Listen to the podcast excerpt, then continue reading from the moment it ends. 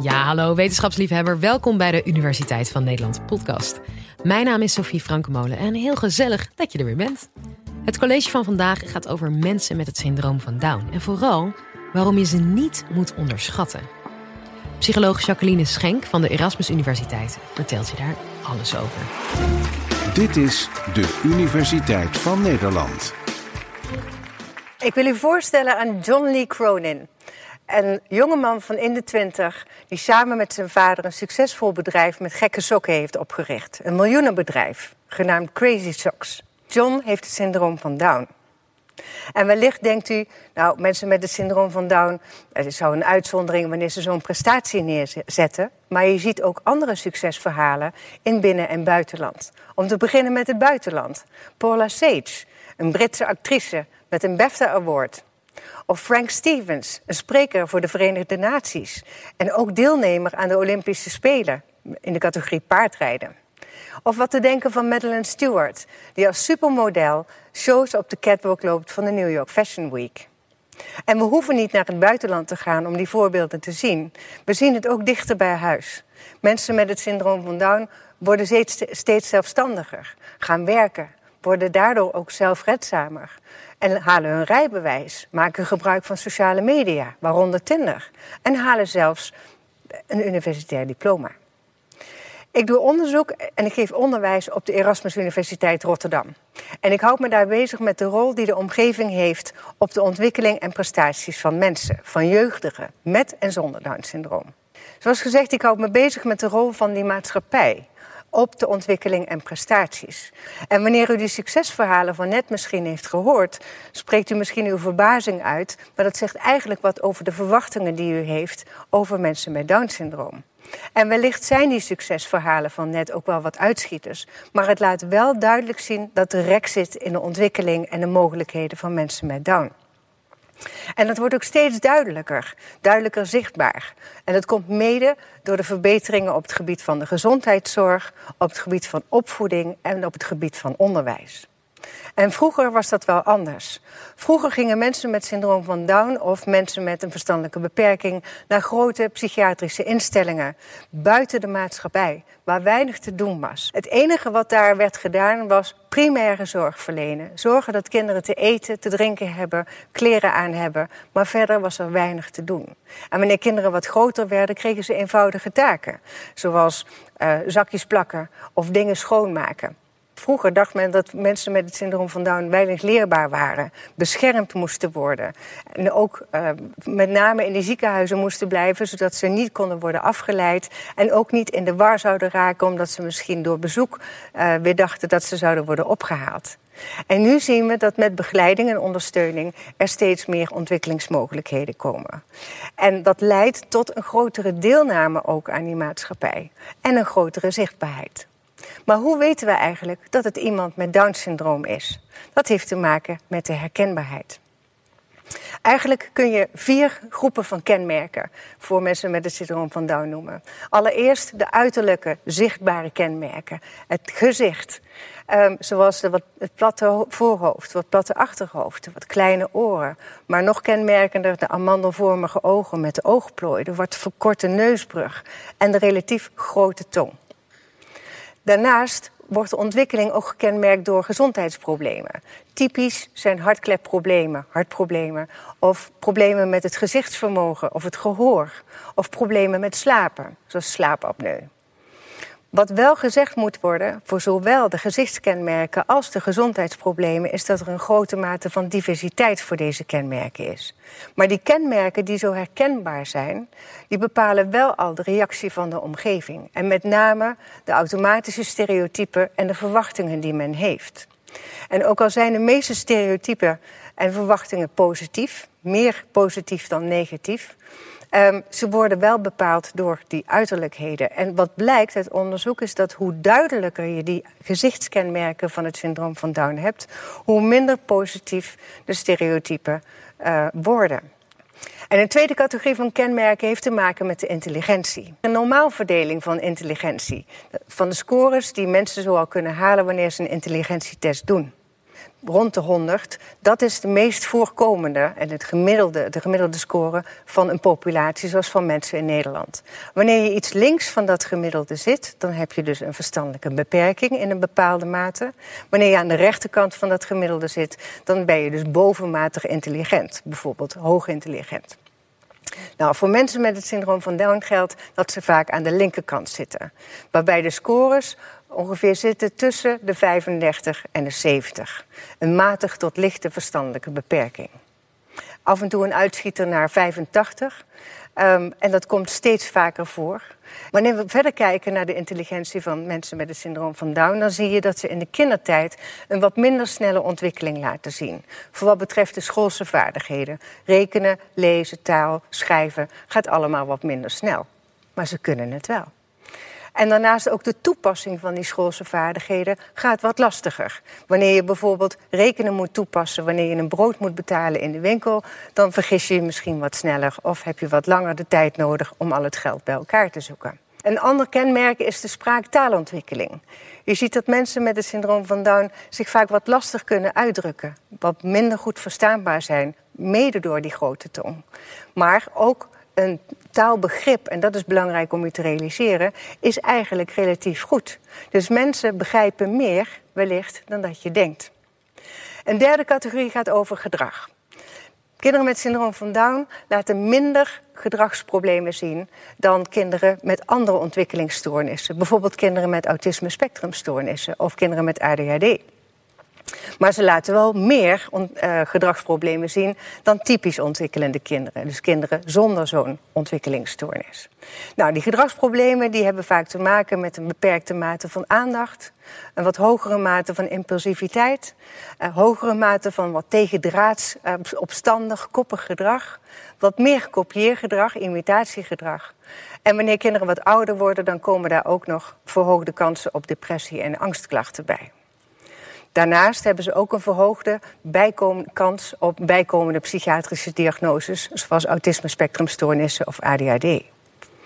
Maar wat belangrijk is om te realiseren is dat dit soort gedragsproblemen niet enkel voorkomen bij kinderen met het syndroom van Down. Bovendien zie je ook daar een grote mate van diversiteit. Niet ieder kind heeft dit soort gedragsproblemen.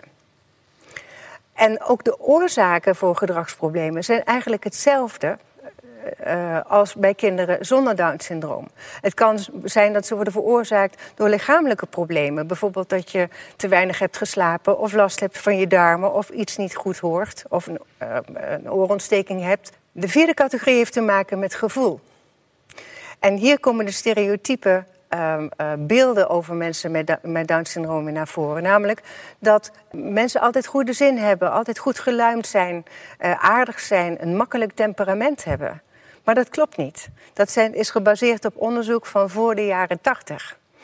Um, wat wel blijkt is dat mensen met syndroom van Down vaak moeite hebben met emotieregulatie. Het kunnen reguleren van je eigen gevoelens, van je eigen emotie. Zoals het kunnen omgaan met teleurstelling, of kunnen omgaan met verdriet, of juist met verliefdheid, of kunnen omgaan met onverwachte situaties.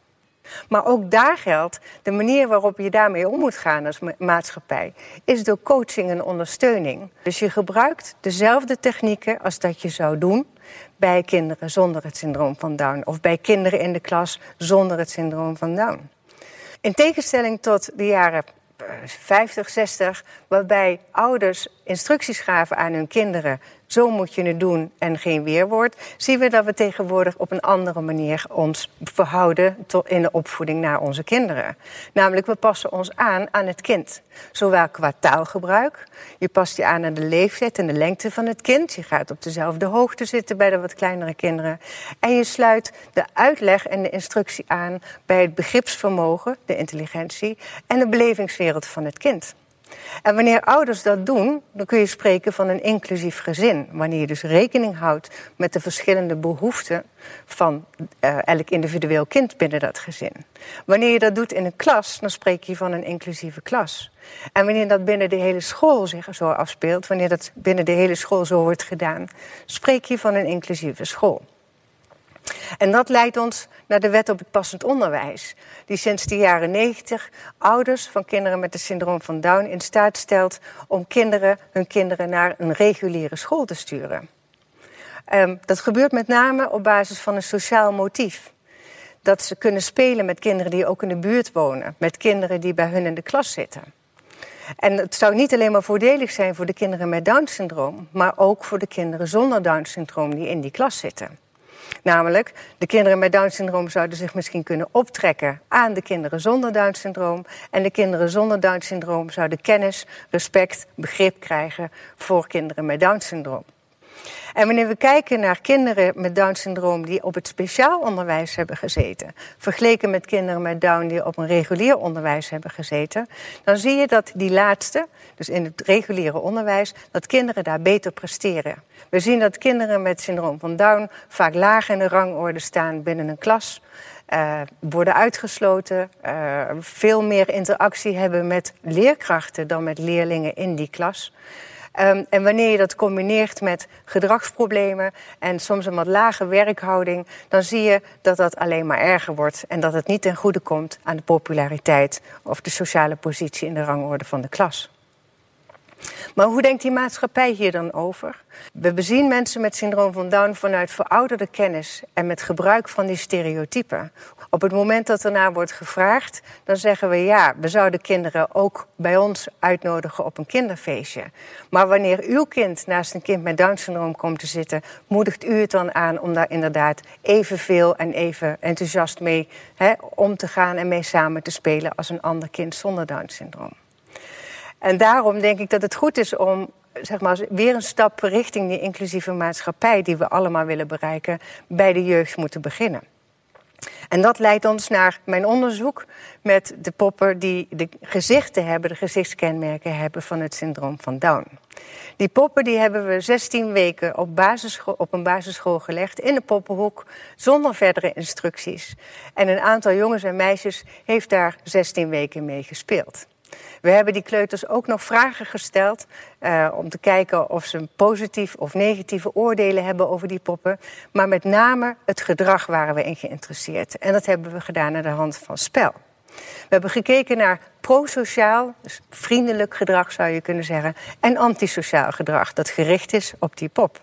Een aantal voorbeelden van dat antisociale spelgedrag zijn bijvoorbeeld dat kinderen de pop die met Down-syndroom kenmerken, dat hij niet mocht meespelen. Dat hij werd uitgekleed, in een hoek werd gegooid, uh, straf kreeg en zelfs eenmaal in een bad met kokend water werd gedaan.